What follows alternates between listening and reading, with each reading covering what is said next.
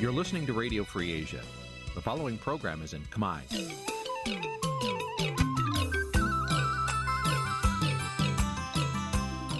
Nǐ chi càm bi tiệp xáy vệt chiu a zì sê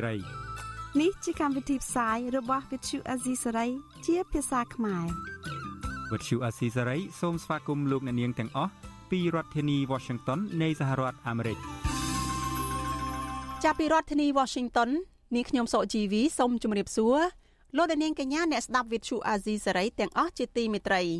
យើងខ្ញុំសូមជូនកម្មវិធីផ្សាយសម្រាប់ព្រឹកថ្ងៃសុក្រ5កើតខែអាសត់ឆ្នាំខាលចត្វាស័កពុទ្ធសករាជ2566ចាប់ត្រូវនៅថ្ងៃទី30ខែកញ្ញាគ្រិស្តសករាជ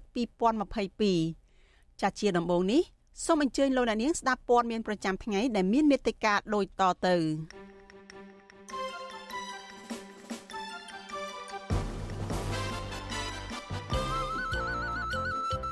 សង្គមស៊ីវិលថារដ្ឋាភិបាលនឹងពិបាកទប់ស្កាត់ការជួញដូរមនុស្សនៅពេលប្រព័ន្ធយុត្តិធម៌មិនឯករាជ្យមនុស្សចាស់នៅកម្ពុជាជាច្រើនប្រឈមនឹងបញ្ហាសុខភាព ទាំងផ្លូវកាយផ្លូវចិត្តដោយសារជាប់ដៃមើលថែចៅតូចតូចកិច្ចព្រមព្រៀងពាណិជ្ជកម្មសេរីកម្ពុជាកូរ៉េអាចចូលជាធរមាននៅចុងឆ្នាំនេះ ជីវប្រវត្តិមន្ត្រីគន្លឹះនៅពីក្រោយការបង្កើតនិងកែប្រែច្បាប់តាមអំពើចិត្តរបស់លោកហ៊ុនសែនរួមនឹងព័ត៌មានសំខាន់សំខាន់មួយចំនួនទៀត។ចាជាបន្តទៅទៀតនេះនាងខ្ញុំសុជីវីសូមជូនព័ត៌មានទាំងនេះពិស្ដាចលនានាងជាទីមេត្រី រយៈពេលប្រមាណឆ្នាំចុងក្រោយនេះរដ្ឋាភិបាលលោកហ៊ុនសែនហាក់លែងញញើតក្នុងការប្រើប្រព័ន្ធតុលាការដើម្បីបង្ក្រាបសម្លេងឯករាជ្យនិងសម្លេងប្រឆាំង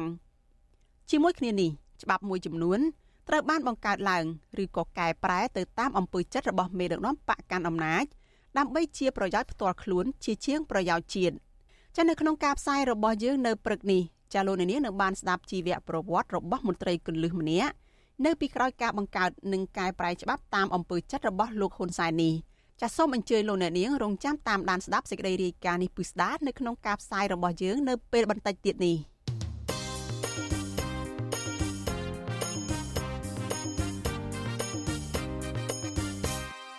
ចាលោកអ្នកនាងជាទីមេត្រីព័ត៌មានតកតនឹងការជួញដូរមនុស្សនៅកម្ពុជាចាលោកនាយរដ្ឋមន្ត្រីហ៊ុនសែនប្រកាសថារដ្ឋាភិបាលរបស់លោកនឹងប្រឹងប្រែងទប់ស្កាត់ការជួញដូរមនុស្សនៅកម្ពុជាឲ្យអស់ពីលទ្ធភាពដើម្បីភាពសុខសាន្តរបស់ពលរដ្ឋមន្ត្រីសង្គមស៊ីវិលយល់ថាប្រសិនបើរដ្ឋាភិបាល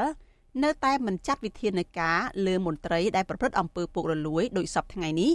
បញ្ហាជួញដូរមនុស្សនឹងនៅតែកើតមានដដែលចាស់ពីរដ្ឋធានី Washington លោកទីនសាការីយ៉ារាយការណ៍ព័ត៌មាននេះ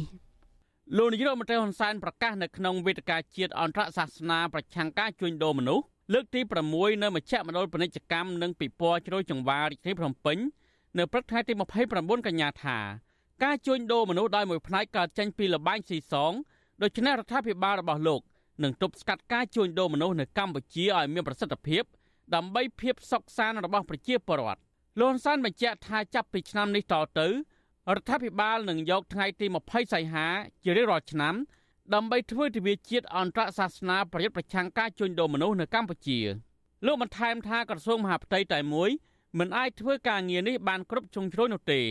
ពលគឺទាល់តែក្រសួងនិងស្ថាប័នពាក់ព័ន្ធធ្វើសកម្មភាពព្រមព្រំគ្នាទើបទប់ស្កាត់ការជួញដូរមនុស្សបានជោគជ័យហើយកម្ពុជាបើសិនជាមិនប្រយ័ត្នទេ យើងនឹងคลายទៅជាទីកន្លែងសវត្ថភាពសម្រាប់អក្រិតជន ដែលមកធ្វើសកម្មភាពនៅក្នុងប្រទេសរបស់យើងហើយយកប្រទេសយើងធ្វើជាឆ្នន់សម្រាប់ផលិតគ្រឿងញៀនដែលគេយកមកពីក្រៅតែមកផលិតនៅកម្ពុជារួចហើយចែកចាយចេញទៅវៀតណាមចែកចាយចេញទៅថៃចែកចាយចេញទៅប្រទេសផ្សេងទៀតក៏អាចថាបាននេះគឺជាការប្រកាសដ៏កម្រមួយក្នុងការទទួលស្គាល់អំពើជួញដូរមនុស្សនៅកម្ពុជាលោកហ៊ុនសែនបដិញ្ញាថានឹងខំប្រឹងទប់ស្កាត់ឲ្យមានប្រសិទ្ធភាពខណៈកន្លងមករដ្ឋាភិបាលរបស់លោក តែងតែច្រានចោលចំពោះរបាយការណ៍រកឃើញនានាដល់ថាកម្ពុជាក្លាយជាសម្បុកជួញដូរមនុស្សពីក្នុងតំបន់អាស៊ាន ដើម្បីបង្ខំឲ្យធ្វើការងារឆបោកតាមប្រព័ន្ធអនឡាញកន្លងមកស្ថាប័នអន្តរជាតិមួយចំនួនក៏រកឃើញដែរថាលោកហ៊ុនសែនរួមទាំងក្មួយរបស់លោកគឺលោកហ៊ុនតូព្រមទាំងក្រុមមន្ត្រីនៅអង្គការមួយចំនួនដែលជិតស្និទ្ធជាមួយលោកក៏មានជាប់តាក់ទងជាមួយក្រុមអក្រិតជនជួញដូរមនុស្សដែលជាជនជាតិចិនដែរជាពិសេស អ្នកចំនួនចិនដែលពាក់ព័ន្ធនឹងរឿងឆោបោកក៏ធ្លាប់ដល់យន្តហោះទំនើបជួយលោកហ៊ុនសែនទៅចូលរួមប្រជុំនៅបរិយាញូវយ៉កជាដើមតើតើនឹងបញ្ហានេះប្រធានសមាគមស្ថិមនុអាតហុកលោកនីសុខាសាទរចំពោះវិធានការរបស់លោកហ៊ុនសែនដែលអះអាងថានឹងទប់ស្កាត់ការជួញដូរមនុស្សនេះក៏ប៉ុន្តែលោកហាក់គ្មានជំនឿលើចំណាត់ការរបស់រដ្ឋាភិបាលនោះទេលោកក៏សម្គាល់ថាកន្លងមកលោកនាយករដ្ឋមន្ត្រីធ្លាប់បានសន្យាថានឹងកាត់កកលោកចោល ប្រសិនបើការពៀប្រៃឈើនៅកម្ពុជាមិនបានគង់វង្សក៏ប៉ុន្តែរហូតមកដល់ពេលនេះបទល្មើសប្រៃឈើនៅតែកើតមានដដែលលោកនេះសុខាបន្តថាចំពោះការដល់រដ្ឋាភិបាលកំណត់យកថ្ងៃទី20សីហាដើម្បីប្រារព្ធទិវាជាតិអន្តរសាសនាដើម្បីប្រឆាំងនឹងការជួញដូរមនុស្សនោះលោកថានឹងមិនបានផលប្រយោជន៍អ្វីជាដុំកំភួននោះទេប្រសិនបើអាជ្ញាធរពាក់ព័ន្ធនៅតែគ្មានសកម្មភាពជាក់ស្ដែងជាប្រចាំដើម្បីទប់ស្កាត់ការជួញដូរមនុស្សនោះលោកបន្ថែមថាមូលហេតុដែលរដ្ឋាភិបាល មិនអាចទប់ស្កាត់ការជួញដូរមនុស្សបានជោគជ័យនោះដោយសារតែការប្រព្រឹត្តអំពើពុករលួយហើយរដ្ឋាភិបាលមិនចាត់វិធានការផ្លូវច្បាប់ទៅលើមន្ត្រីខលខូចទាំងនោះ ពីព្រោះអ្នកដែលជួញដូរមនុស្សគឺប្រភេទជាក្រុមមនុស្សដែលជាអ្នកមានមិនមែនអ្នកក្រីក្រទេនឹងទី1ទី2គឺភាពយុត្តិធម៌ពិសេសគឺប្រព័ន្ធយុត្តិធម៌នៅក្នុងប្រទេសកម្ពុជាគឺត្រូវតែដំណើរការឲ្យបានកុំឲ្យមាននីតិរដ្ឋភាពនៅក្នុងប្រទេសកម្ពុជាពីព្រោះថាបើសិនជាមាននីតិរដ្ឋភាពមានន័យថាអ្នកដែលប្រព្រឹត្តនៅអំពើ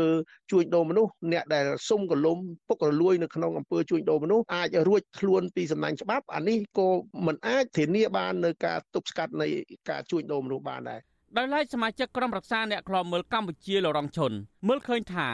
ផែនការរបស់លោកហ៊ុនសែនភាគច្រើនជាផែនការបែបពពុះសាប៊ូដែលមានសកម្មភាពតែមួយប្រាវក៏សាមរលាបទៅវិញ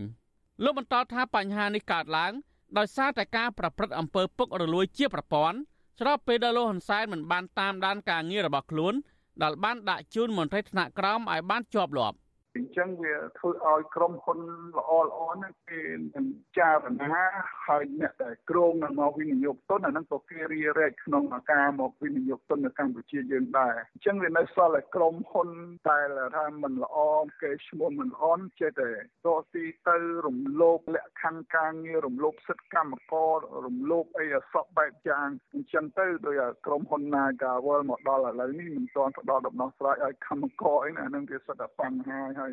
មួយរយៈចុងក្រោយនេះរូបភាពនៃការជួញដូរមនុស្សនៅកម្ពុជា មានលក្ខណៈជាទ្រង់ទ្រាយធំមេខ្លោងជួញដូរមនុស្សភ ieck ច្រើនជាជនជាតិចិន បានខំខាំងមនុស្សប្រើអំពើហិង្សាវាយដំ និងប្រើដំបងឆក់ដើម្បីបង្ខំឲ្យជនជាតិខ្មែរនិងជនបរទេសមួយចំនួន ដូចជាថៃម៉ាឡេស៊ីចិនតៃវ៉ាន់ហ្វីលីពីនឥណ្ឌូនេស៊ីនិងវៀតណាមជាដើមឲ្យធ្វើការឆបោកតាមប្រព័ន្ធអ៊ីនធឺណិតជុំវិញពិភពលោក ជនរងគ្រោះមួយចំនួនបានលោតទម្លាក់ពីអគារខ្ពស់រត់គេចពីកន្លែងខំខាំងជាដើមអញ្ញាធិបតេយ្យមួយចំនួនក៏បានជួយសង្គ្រោះបរិវត្តរបស់ខ្លួនចេញពីប្រទេសកម្ពុជាជាបន្តបន្ទាប់ដែរដោយឡែកកាលពីថ្ងៃទី19កក្កដាក្រសួងការបរទេសអាមេរិកបានចេញរបាយការណ៍ស្តីពីការជួញដូរមនុស្សដោយបានទម្លាក់ចំណាត់ថ្នាក់កម្ពុជាមកកម្រិតទី3អាក្រក់បំផុតពុំធ្លាប់មានតាំងពីឆ្នាំ2015មកនឹងក្រោយពេលដល់កម្ពុជាស្ថិតនៅក្នុងចំណាត់ថ្នាក់កម្រិតទី2 ក្រោមការឃ្លាំមើលអស់រយៈពេល3ឆ្នាំជាប់ជាប់គ្នា ចាប់តាំងពីឆ្នាំ2019មករបាយការណ៍លើកឡើងថារដ្ឋាភិបាលកម្ពុជាមិនបានគោរពតាមស្តង់ដារពេញលេញអបបរមាដើម្បីលុបបំបាត់នៅអំពើជួញដូរមនុស្សនិងពុំបានខិតខំប្រឹងប្រែងគួរឲ្យកត់សម្គាល់ក្នុងការប្រយុទ្ធប្រឆាំងនឹងការជួញដូរមនុស្សឡើយរបាយការណ៍បញ្ជាក់ថាអាញាធរកម្ពុជាពុំបានបើកការស៊ើបអង្កេតឬនាំយកមន្ត្រីដែលជាប់ពាក់ព័ន្ធផ្អែកតាមសេចក្តីរាយការណ៍ គួរឲ្យជឿទុកចិត្តភាកច្រើន ជាពិសេសនៅពេលដែលជាប់ពាក់ព័ន្ធនឹងក្រុមឈ្មួញអសិលធម៌ដែលបានបង្ខំឲ្យបរិសុទ្ធស្ត្រី និងកុមាររាប់ពាន់នាក់នៅទូទាំងប្រទេសធ្លាក់ចូលទៅក្នុងការជួញដូរមនុស្សក្នុងវិស័យសេវាកម្មកំសាន្តលអិតនិងប្រតិបត្តិការបែបឆោបោកនៅលើប្រព័ន្ធអ៊ីនធឺណិតជាដើមមន្ត្រីអង្គការសង្គមស៊ីវិលជឿជាក់ថាប្រសិនបរដ្ឋាភិបាលនៅតែមិនចាប់មន្ត្រីដែលប្រព្រឹត្តអំពើពុករលួយមកផ្តន្ទាទោសតាមច្បាប់ឲ្យបានធ្ងន់ធ្ងរទៅនោះ កម្ពុជានឹងមានកេរ្តិ៍ឈ្មោះកាន់តែអាក្រក់នៅលើឆាកអន្តរជាតិថែមទៀតជាពិសេសនឹងអាចមានទណ្ឌកម្មសេដ្ឋកិច្ចពីអន្តរជាតិថែមទៀតផងខ្ញុំទីនសាការីយ៉ាអស៊ីសេរីប្រធានីវ៉ាស៊ីនតោន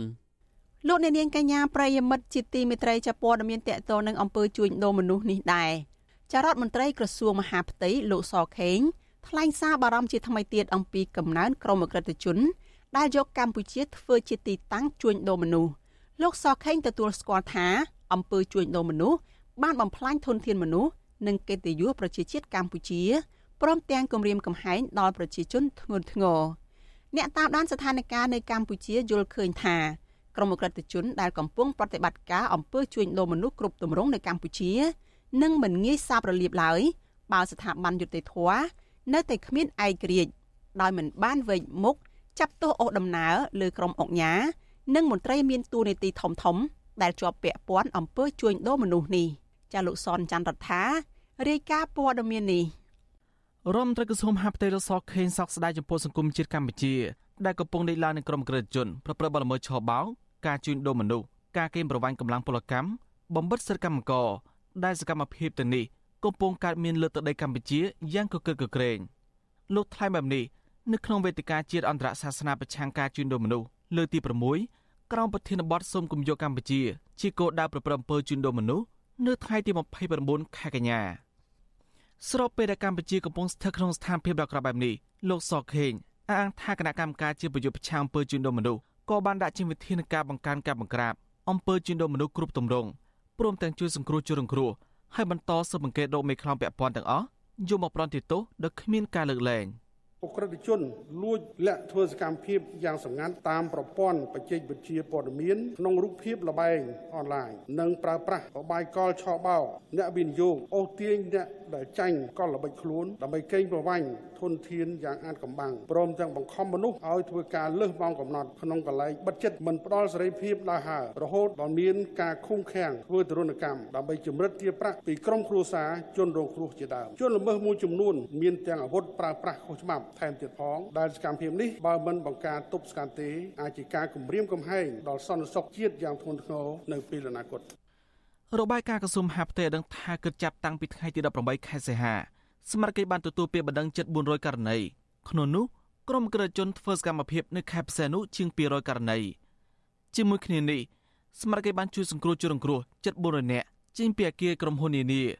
ក្នុងនោះមានមនុស្ស54នាក់ដែលរងគ្រោះដោយសារអំពើជួញដូរមនុស្សស្មារតីក៏បានខាត់ខ្លួនជនសង្ស័យចំនួន43នាក់បញ្ជូនទៅតុលាការហើយបិទទីតាំងជីវកម្មរបស់ពួកគេដើម្បីបន្តការស៊ើបអង្កេតរបាយការណ៍ដដែល អះអាងទៀតថាជនបរទេសរាប់រយនាក់ទៀតធ្វើត្បិតតែពួកគេមិនបានរងគ្រោះដោយសារការជួញដូរមនុស្សក៏ប៉ុន្តែសមត្ថកិច្ចបានជួយសង្គ្រោះពួកគេចេញពីតំបន់គ្រោះថ្នាក់បញ្ជូនទៅប្រទេសកំណើតរបស់ពួកគេជាបន្តបន្ទាប់ជនរងគ្រោះដែលសមត្ថកិច្ចជួយសង្គ្រោះកន្លងមកមានដូចជាជនជាតិឥណ្ឌូនេស៊ីវៀតណាមថៃម៉ាឡេចិនប៉ាគីស្ថានឥណ្ឌាមីយ៉ាន់ម៉ាហ្វីលីពីនទូគីអាមេរិកអង់គ្លេសនិងកូរ៉េខាងត្បូងរដ្ឋាភិបាលនិងស្ថាប័នជាតិកម្ពុជាកម្ពុជា នឹងបន្តបង្ហាញការស៊ើបអង្កេតក្រុមអង្គការនិងមន្ត្រីក្រាក់ក្រាក់ដែលរងការចាប់ប្រកាន់ថាជាមេខ្លោងឈរជើងកាងការពារជនជាតិចិនប្រតិបត្តិការចាប់បង្ខាំងនិងជួញដូរមនុស្សនៅកម្ពុជានៅឡើយទេអ្នកតាមដានស្ថានភាពកម្ពុជាលើកឡើងថាវត្តមាននៃក្រុមអក្រិតជនធ្វើចំនួននៅកម្ពុជាខុសច្បាប់និងមិនងាយសាបរលាបនោះទេអ្នកសិក្សាផ្នែកច្បាប់លោកវ៉ាន់ចាន់ឡូតមើលឃើញថាកត្តាចម្បងនៅក្នុងកម្ពុជាខ្លាយជាកលែងក្រិតជនជួញដូរមនុស្សនេះគឺដោយសារតែស្ថាប័នយុតិធធនៅតែគ្មានភាពឯករាជ្យ ហើយមន្ត្រីស្ថាប័នកម្ពុជាកម្ពុជាថ្នាក់ជាតិមួយចំនួននៅតែប្រព្រឹត្តអំពើពុករលួយលោកបញ្យល់ថាស្របពេលដែលកម្ពុជាគ្មានការអនុវត្តច្បាប់ប្រកបដោយប្រសិទ្ធភាពនេះគឺជាដើមទុនសម្រាប់ក្រុមក្រិតជន ពង្រីកបណ្ដាញនៅកម្ពុជា ក្រៅពីនេះទៀតលោកវ៉ុនចាឡូសង្កត់ធ្ងន់ថាបរដ្ឋាភិបាលកម្ពុជា នៅតែប្រកាន់គោលនយោបាយបើចំហជើងមេឃទទួលយកជនជាបរទេសពិសេសគឺជនជាចិនទាំងដែលពួកគេជាប់ឈ្មោះជាក្រិតជនឲ្យចូលមកកម្ពុជានៅពេលកន្លងទៅនោះកម្ពុជានឹងកាន់តែប្រឈមបញ្ហាអសន្តិសុខសង្គម ហើយអាចឲ្យកម្ពុជាបាត់បង់អធិបតេយ្យជាតិនៅថ្ងៃខាងមុខថែមទៀតផងចំណុចមួយដែលខ្ញុំមើលឃើញរដ្ឋាភិបាលកម្ពុជាត្រូវតែប្រកាសថារាល់ឧក្រិដ្ឋកម្មទាំងអស់ដែលកើតមានគឺរដ្ឋត្រូវតែជារដ្ឋដែលបរិសុទ្ធមានន័យថាជារដ្ឋដែលមិនរួមចំណែកមិនបំរើឬក៏មិនការពារទៅដល់ផ្នែកណាមួយនៃឧក្រិដ្ឋជនទាំងអស់នោះជាការតបស្នងវិញទៅលើផលប្រយោជន៍បន្តិចបន្តួចដែលឧក្រិដ្ឋជននោះផ្ដល់ឲ្យអាហ្នឹងរដ្ឋគួរតែបង្ហាញអំពីតម្លាភាពហើយនិងគណនេយ្យភាពហ្នឹងទៅលើការបង្ក្រាបការស្រាវជ្រាវឧក្រិដ្ឋជនទាំងនោះក្រោយពីរដ្ឋាភិបាលហ៊ុនសែនបន្តបង្កើនតំណែងជាមួយរបបក្រុងប៉េកាំងកាន់តែសរមុតក្រុមក្រិតជននៅអន្តរប្រវេសន៍ចិនខុសច្បាប់ចូលមកកម្ពុជាក៏ច្រើនដែរបន្តិចម្ដងបន្តិចម្ដងពួកគេហ៊ានប្រព្រឹត្តបទល្មើសគ្រប់បែបយ៉ាងរួមមានការបើករោងចក្រផលិតគ្រឿងញៀនបាញ់សម្លាប់មនុស្សតាមអំពើចិននិងបាជីវកម្មខុសច្បាប់ដូចជាការជួញដូរមនុស្សព្រមទាំងយកកម្ពុជាធ្វើជាកន្លែងបង្ខំមនុស្សដើម្បីបង្ខំមកឈប់បោកតាមប្រព័ន្ធអ៊ីនធឺណិតជាដើម ខ្ញុំសនចាររថាវិទ្យុអេស៊ីសេរីរាយការណ៍ពីរដ្ឋធានីវ៉ាស៊ីនតោន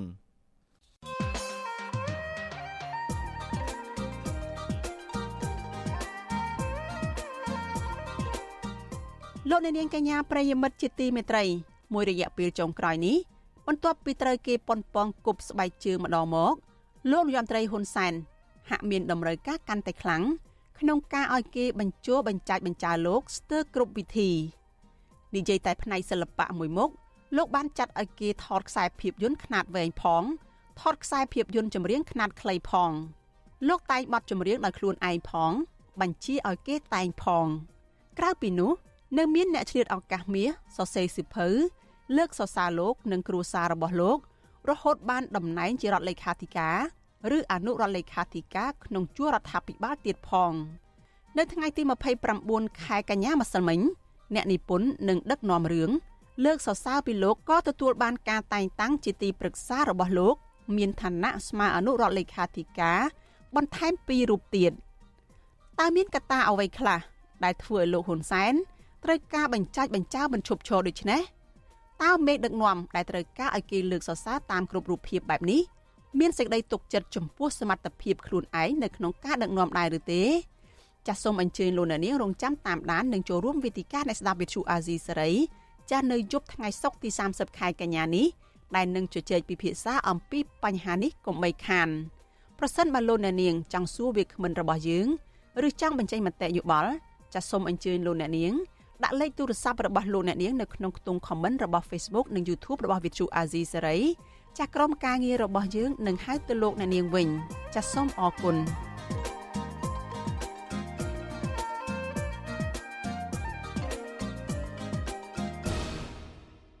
លោកអ្នកនាងកញ្ញាជាទីមេត្រីព័ត៌មានតកតងនឹងមនុស្សចាស់នៅកម្ពុជាអង្គការទស្សនៈពិភពលោកបានរកឃើញថាមនុស្សចាស់នៅកម្ពុជាប្រឈមនឹងបញ្ហាជាច្រើនតាក់ទងនឹងសុខភាព ភាពតានតឹង ស្ថិរភាពហិរញ្ញវត្ថុនិងការមើលថែទាំចៅជំនួសឪពុកម្ដាយរបស់ពួកគេជាដើមរបាយការណ៍ស្រាវជ្រាវរបស់អង្គការទស្សនៈពិភពលោកកម្ពុជាចេញផ្សាយកាលពីថ្ងៃទី27ខែកញ្ញាបង្ហាញថាមនុស្សចាស់ម្នាក់ក្នុងចំណោម3នាក់នៅកម្ពុជា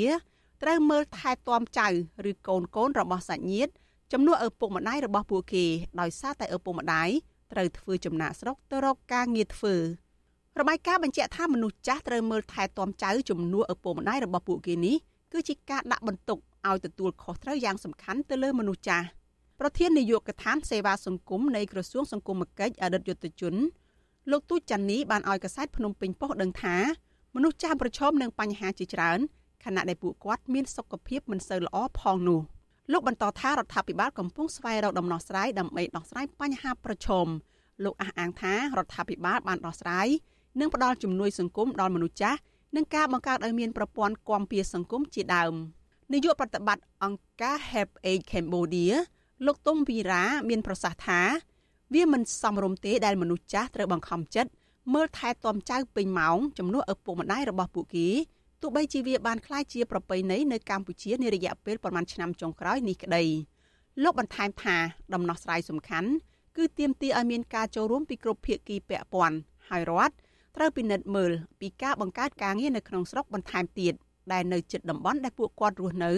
ដើម្បីកាត់បន្ថយការធ្វើចំណាកស្រុកទៅរកការងារធ្វើនៅក្រៅប្រទេសទន្ទឹមនឹងនេះ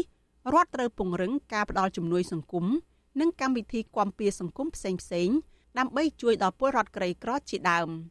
របាយការណ៍របស់អង្គការទេសន្តប្រវេសនៅក្នុងឆ្នាំ2019រកឃើញថាគ្រួសារដែលមានឪពុកម្ដាយធ្វើចំណាកស្រុកទៅរកការងារធ្វើនៅក្រៅប្រទេសមានជាង90%ដែលទុកឲ្យជីដូនជីតា មើលថែទាំចៅចៅនៅផ្ទះអង្គការនេះឲ្យដឹងទៀតថា បច្ចុប្បន្នមានពលករចំណាក់ស្រុកទៅធ្វើការនៅប្រទេសថៃប្រមាណ1លាន2សែននាក់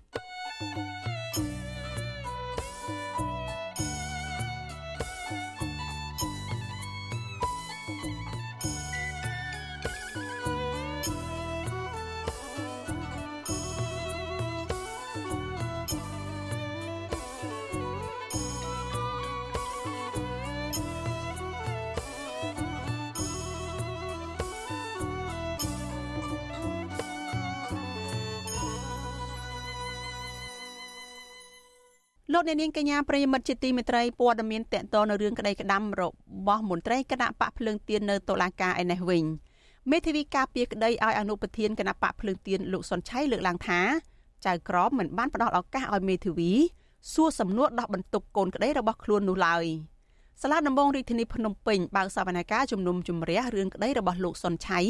ពីបទបរិហាកេជាសាធារណៈ តាមបណ្ដឹងរបស់គណៈកម្មាធិការជាតិរៀបចំការបោះឆ្នោតហៅកាត់ថាកោជបកាលពីថ្ងៃទី29ខែកញ្ញាម្សិលមិញមន្ត្រីសង្គមស៊ីវិលយល់ឃើញថាការមិនផ្ដល់ឱកាសឲ្យបានគ្រប់គ្រាន់ឬចែកពេលមិនបានស្មើគ្នាទៅដល់គូភាគីនៅក្នុងសវនកម្មនេះជាចំណែកមួយធ្វើឲ្យប៉ះពាល់ដល់ការទទួលបានយុត្តិធម៌របស់លោកសុនឆៃលោកយុនសាមៀនរាយការណ៍ព័ត៌មាននេះលោកជួងជងាឲ្យដឹងថាសវនាការជំនុំជម្រះក្តីលោកសុនឆៃ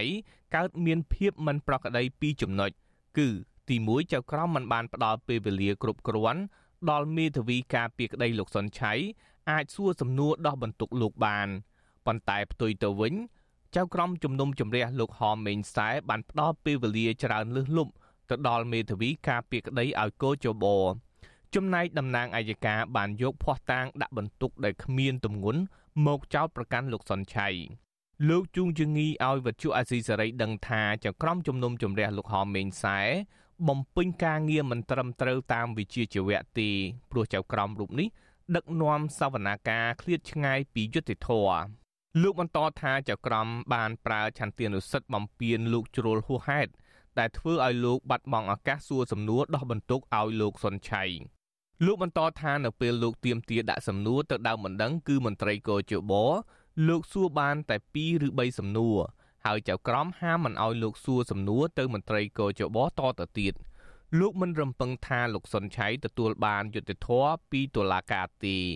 គឺចៅក្រមគាត់បានឲ្យឱកាសនីតិវិធីសួរសំណួរបញ្ចប់នីតិវិធីសួរដេញដោលគឺខ្ញុំមកព្យាបាលតែម្ដងហើយខ្ញុំលើកដៃសុំសិទ្ធិសួរដេញដោលចាំគាត់ថាចប់នីតិវិធីសួរដេញដោលហើយហើយគណៈដែលខ្ញុំរងចាំដើម្បីសួរសំណួរដើម្បីដោះមិនពងក្តីគាត់អត់បានផ្ដល់ឱកាសខ្ញុំតើខ្ញុំប្រកាន់ទៀមទីទៅគាត់អត់ចង់ឲ្យខ្ញុំសួរសំណួរទេហើយដល់ខ្ញុំទៀមទីខ្លាំងគាត់ក៏ឲ្យសួរសំណួរដល់ពេលខ្ញុំសួរសំណួរខ្ញុំសួរសំណួរទៅកោជបទៅមន្ត្រីកោជបដើម្បីដោះបន្ទុកកងក្តីខ្ញុំដល់ពេលខ្ញុំសួរសំណួរទៅកោជបទៅសំណួរខ្ញុំលក្ខណៈចាញ់ទៅមន្ត្រីកោជបចៅក្រមគាត់ផ្អាកជួយខ្ញុំសួរតទៅទៀត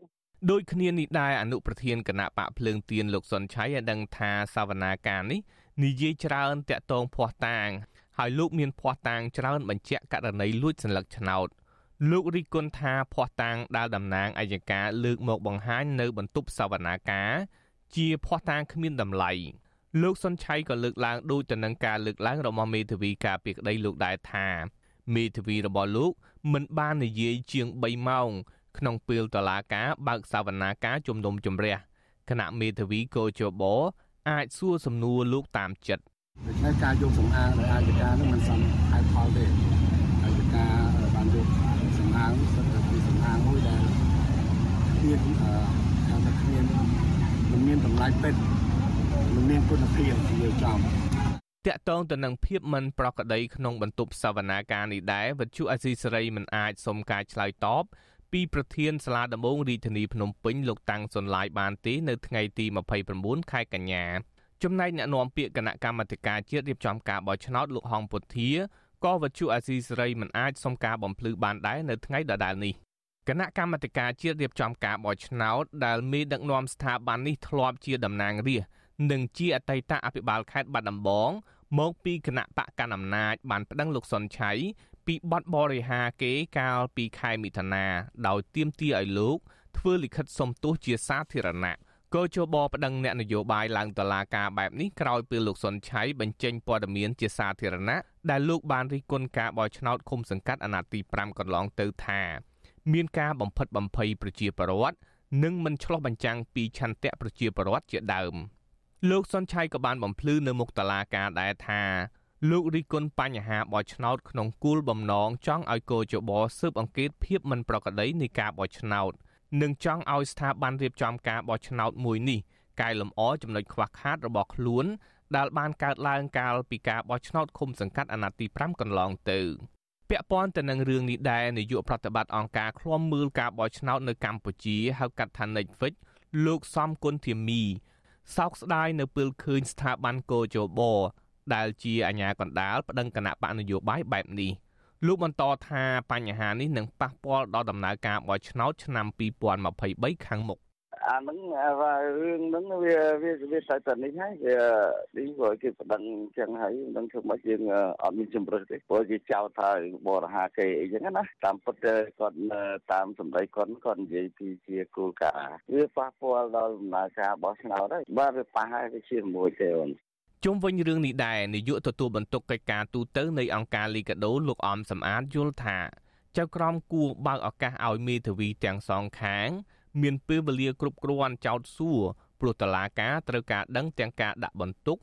និងការដោះបន្ទុកលោកបន្តថាការមិនផ្ដល់ពេលវេលាស្មើគ្នាបែបនេះជាផ្នែកមួយដែលធ្វើឲ្យប៉ះពាល់ដល់ការផ្ដល់យុត្តិធម៌ក្នុងដំណើរការរឿងក្តីនេះ សិនជារដ្ឋបិទនៅក្នុងការតាំងសំណួរអានឹងនាំឲ្យវាប៉ះពាល់ដល់ដំណើរការយុទ្ធមកផ្នែកផងដែរបាទទាំងមតិជាតិនិងអន្តរជាតិគេដែលតរិគុណថា វាជារឿងនយោបាយច្រើនជាងការអនុវត្តច្បាប់ណាតុលាការនឹងប្រកាសសាលក្រមសំណុំរឿងកោជបប្តឹងលោកសុនឆៃនៅថ្ងៃទី7ខែតុលាខាងមុខហើយនៅថ្ងៃដដែលនោះដែរតុលាការនឹងចាប់ផ្ដើមបើកសវនាការ ជំនុំជម្រះបណ្ដឹងរបស់គណៈបកប្រជាជនកម្ពុជាវិញម្ដង ដែលបានប្តឹងលោកសុនឆៃពីបទបរិហាគេជាសាធារណៈនេះដែរនិងទាមទារសំណងជំងឺចិត្តលុយ1លានដុល្លារខ្ញុំយុនសាមៀនវិទ្យុអាស៊ីសេរីប្រធានាធិបតី Washington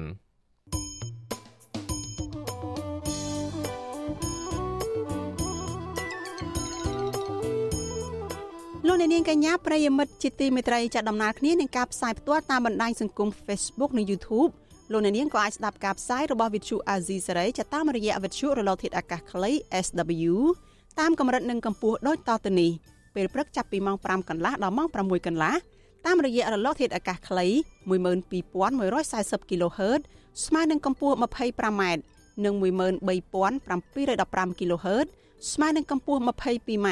ពេលយប់ ចាប់ពីម៉ោង7កន្លះដល់ម៉ោង8កន្លះតាមរយៈរលកធាតុអាកាសខ្លី9960 kHz ស្មើនឹងកម្ពស់ 30m 12140 kHz ស្មើនឹងកម្ពស់ 25m និង11885 kHz ស្មើនឹងកម្ពស់ 25m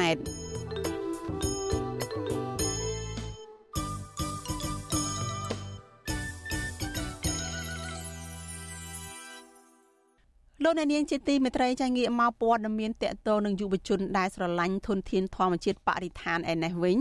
ចាក្រុមយុវជនស្រឡាញ់បរិស្ថានជាង30នាក់នាំគ្នាដង្ហែសពដើមឈើនៅតាមដងផ្លូវខណៈពួកគេនាំគ្នាដាក់ញត្តិទៅរដ្ឋមន្ត្រីក្រសួងបរិស្ថានលោកសៃសំអាល់ដើម្បីសុំឲ្យសាធារណជន និងសហគមន៍បានចូលរួមចុះល្បាតព្រៃឡើងវិញចាមន្ត្រីសង្គមស៊ីវិលយល់ឃើញថា ការហែសពដើមឈើរបស់ក្រុមយុវជននេះ គឺជាការតស៊ូមតិដែលមានគំនិតច្នៃប្រឌិត ហើយក្រសួងបរិស្ថាន គួរតែយល់ព្រមតាមសំណើរបស់ពួកគេដើម្បីទប់ស្កាត់បទល្មើសព្រៃឈើចាប់ពីរដ្ឋធានី Washington លោកយ៉ងច័ន្ទដារារាយការណ៍ព័ត៌មាននេះក្រមយុវជនស្រឡាញ់បរិស្ថានសរុប32នាក់ក្នុងនោះមានស្ត្រី15នាក់និងតំណាងប្រជាសហគមន៍ព្រៃឈើព្រៃព្រះរកានិងព្រៃឡង់ចំនួន4នាក់បាននាំគ្នាធ្វើពិធីដង្ហែសាកសពដើមឈើ យកញត្តិទៅដាក់នៅក្រសួងបរិស្ថាន នៅព្រឹកថ្ងៃទី29ខែកញ្ញាដើម្បីស្នើសុំឲ្យរដ្ឋមន្ត្រីក្រសួងមួយនេះបញ្ឈប់ការរដ្ឋបិទសិទ្ធិអ្នកការពារព្រៃឈើនិងបើកចំហសេរីភាពជូនសាធារណជនឲ្យចូលល្បាតព្រៃឈើឡើងវិញក្រមយុវជនបានស្លៀកពាក់សពាក់បូពណ៌សនៅលើក្បាលដោយនាំគ្នាដើរដង្ហែមឈូសសាកសពដើមឈើព្រមទាំងដៃកាន់ផ្កានិងបដាដែលសរសេរថា ពិធីហែសពដើមឈើព្រៃឈើជាសម្បត្តិរបស់យើងទាំងអស់គ្នា និងសោកនាដកម្មព្រៃឈើជាដើម ក្រៅពីនេះមានយុវជនដើរតួនាទីជាអាចារ្យកាន់ទង់ប្រលឹង ដែលសរសេររៀបរាប់អំពីវិនាសកម្មព្រៃឈើនៅកម្ពុជាផងដែរអញ្ញាធរខណ្ឌចំការមននិងកងកម្លាំងប្រដាប់អាវុធមួយចំនួនបានខាត់មិនអោយពួកគេដង្ហែសាកសពដើមឈើនេះទេចាប់តាំងពីចំណុចចាប់ផ្ដើមនៅមុខស្ថានទូតចិនក៏ប៉ុន្តែក្រមយុវជន បានជំនះដង្ហែរហូតបានដល់ក្រសួងបរិស្ថាន ពិធីដង្ហែនេះបានបិទបញ្ចប់ទៅនៅពេលប្រធាននាយកដ្ឋានរដ្ឋបាលនៃក្រសួងបរិស្ថាន គឺលោកសេកធាបានចេញមកទទួលយកញត្តិពីក្រមយុវជនទោះជាយ៉ាងណាលោកសេកធាមិនបានថ្លែងសារអ្វីដល់ក្រមយុវជនឡើយសកម្មជនចលនាមេដាធម្មជាតិលោកលីច័ន្ទដារាវុធដែលបានចូលរួមក្នុងពិធីដង្ហែសាកសពដើមឈើនេះថ្លែងថាពួកលោករៀបចំពិធីហែសពដើមឈើនេះដូចជាពិធីហែសពមែនតែនដោយសារតែមើលឃើញថា ស្ថានភាពព្រៃឈើនៅកម្ពុជា កំពុងរងការកាប់បំផ្លាញកាន់តែច្រើន ក្រោយពេលក្រសួងបរិស្ថាន ហាមឃាត់មិនឲ្យសហគមន៍មូលដ្ឋាន និងប្រជាពលរដ្ឋដែលស្រឡាញ់ធនធានធម្មជាតិចុះល្បាតព្រៃឈើដូចពីមុននោះ លោកលីច័ន្ទដារាវុធស្នើសុំឲ្យសាធារណជន ជាពិសេសយុវជនឲ្យចូលរួមនៅក្នុងសកម្មភាពតស៊ូលើបញ្ហាព្រៃឈើនិងបរិស្ថាន ពីព្រោះនៅពេលសាធារណជនចូលរួមកាន់តែច្រើននោះអ្នកប្រព្រឹត្តអំពើពុករលួយនឹងចេះខ្លាចរអាមិនប្រព្រឹត្តបទល្មើស ការចូលរួមទាមទារសិទ្ធិសេរីភាពនេះគឺវាជាសិទ្ធិរបស់យើងហើយជាកាតព្វកិច្ចរបស់យើងដែលត្រូវតែធ្វើដើម្បីធ្វើឲ្យប្រទេសកម្ពុជាស្ថិតនៅក្នុងគន្លងប្រជាធិបតេយ្យហើយបើសិនជាយើងអត់មានភាពក្លាហានអត់ហ៊ានប្រឈមនឹងហានិភ័យហើយយើងបាត់បង់ភាពច្នៃប្រឌិតនោះបញ្ហាគឺនឹងមិនត្រូវបានដោះស្រាយហើយបញ្ហាទាំងអស់អាចដោះស្រាយវាចាប់ផ្ដើមពីយើងខ្លួនឯងហ៊ានស្វែងរកដំណោះស្រាយដើម្បីបញ្ហាទាំងអស់ហ្នឹង វិទ្យុអាស៊ីសេរីមិនអាចតាក់ទងแนะនាំពាក្យក្រសួងបរិស្ថានលោកណេតភក្ត្រាដើម្បីបកស្រាយជុំវិញរឿងនេះបាននៅឡើយទេ នៅថ្ងៃទី29ខែកញ្ញាដោយទូរស័ព្ទចូល តែពុំមានអ្នកទទួលក្រសួងបរិស្ថានបានចាប់ផ្ដើមហាមឃាត់មិនឲ្យសាធារណជនចូលរួមល្បាតព្រៃឈើតាំងតែពីចុងខែមីនាឆ្នាំ2019ដោយក្រសួងបានប្រកាសថាប្រជាសហគមន៍ត្រូវតែសុំការអនុញ្ញាតពីមន្ត្រីបរិស្ថានជាមុនសិនទើបអាចចុះល្បាតព្រៃឈើបាន។ ជុំវិញរឿងនេះអ្នកនាំពាក្យសមាគមការពារសិទ្ធិមនុស្សអាត6លោកសឹងសែនករណាកោតសរសើរចំពោះគំនិតច្នៃប្រឌិតរបស់ក្រមយុវជនបរិស្ថាន ដែលការហែសពព្រៃឈើនេះបានទទួលការចាប់អារម្មណ៍និងគាំទ្រជាច្រើនពីសាធារណជន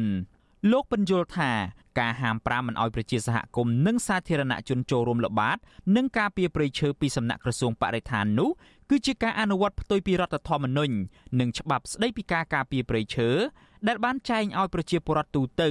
មានកាតព្វកិច្ចនៅក្នុងការថែរក្សាទ្រព្យសម្បត្តិធនធានធម្មជាតិរបស់ប្រទេសជាមួយគ្នានេះលោកសឹងសានករណាស្នើសុំឲ្យក្រសួងបរិស្ថាន ពិចារណាក្នុងការអនុញ្ញាតដល់សាធារណជន ចូលរួមល្បាតព្រៃឈើឡើងវិញជាជាងបន្តការពីក្រមឈ្មួញបទល្មើសព្រៃឈើស្ថាប័នពាក់ព័ន្ធជាពិសេសក្រសួងបរិស្ថាន និងប្រមុខរដ្ឋាភិបាលលោកពិនិត្យមើលឡើងវិញអំពីសមត្ថកិច្ចរបស់ក្រសួងបរិស្ថាននេះដែលធ្វើឲ្យមានការបាត់បង់ព្រៃឈើហើយមានភាពចង្អៀតចង្អល់មិនឲ្យមានការចូលរួមការពារព្រៃឈើទៅទៀតអញ្ចឹងគួរតែបើកចិត្តឲ្យទូលំទូលាយឲ្យគ្រប់ភាគីពាក់ព័ន្ធមានឱកាសចូលរួមការពារព្រៃឈើដើម្បីទុកជាគេដំណែលនិងជាប្រយោជន៍របស់សង្គមជាតិយើងទាំងអស់គ្នានិងសម្រាប់ជាគេដំណែលនឹងទៅដល់អ្នកចំនួនក្រោយយើងផងសមាគមបណ្ដាញយុវជនកម្ពុជាហៅកាត់ថា CYN កាលពីខែសីហាកន្លងទៅ បានរកឃើញថា ឧក្រិដ្ឋកម្មព្រៃឈើនៅតែកើតមានឡើងនៅក្នុងនោះដែនជំរកសត្វព្រៃឡង់កំពុងត្រូវបានក្រុមហ៊ុន Macro Logistics និងក្រុមហ៊ុនវៀតណាម PNT កាប់ទុនត្រៀនខណៈដែនជំរកសត្វព្រៃព្រះរកានិងដែនជំរកសត្វព្រៃសង់រុក្ខវ័ននៅតែប្រឈមទៅនឹងការបរបាញ់និងការដាក់អន្ទាក់សត្វខុសច្បាប់ព្រមទាំងការកាប់បំផ្លាញព្រៃឈើទៀតផង។កន្លងទៅ អង្គការសង្គមស៊ីវិលនិងសកម្មជនបរិស្ថាន តែងតែទាមទារឲ្យក្រសួងបរិស្ថានអនុញ្ញាតឲ្យសាធារណជនចូលរួមល្បាតព្រៃឈើដោយមិនចាំបាច់សុំការអនុញ្ញាតពីក្រសួងដោយកាលពីមុនវិញខ្ញុំយ៉ងច័ន្ទដារាវិទ្យុអាស៊ីសេរីរាយការណ៍ពីរដ្ឋធានី Washington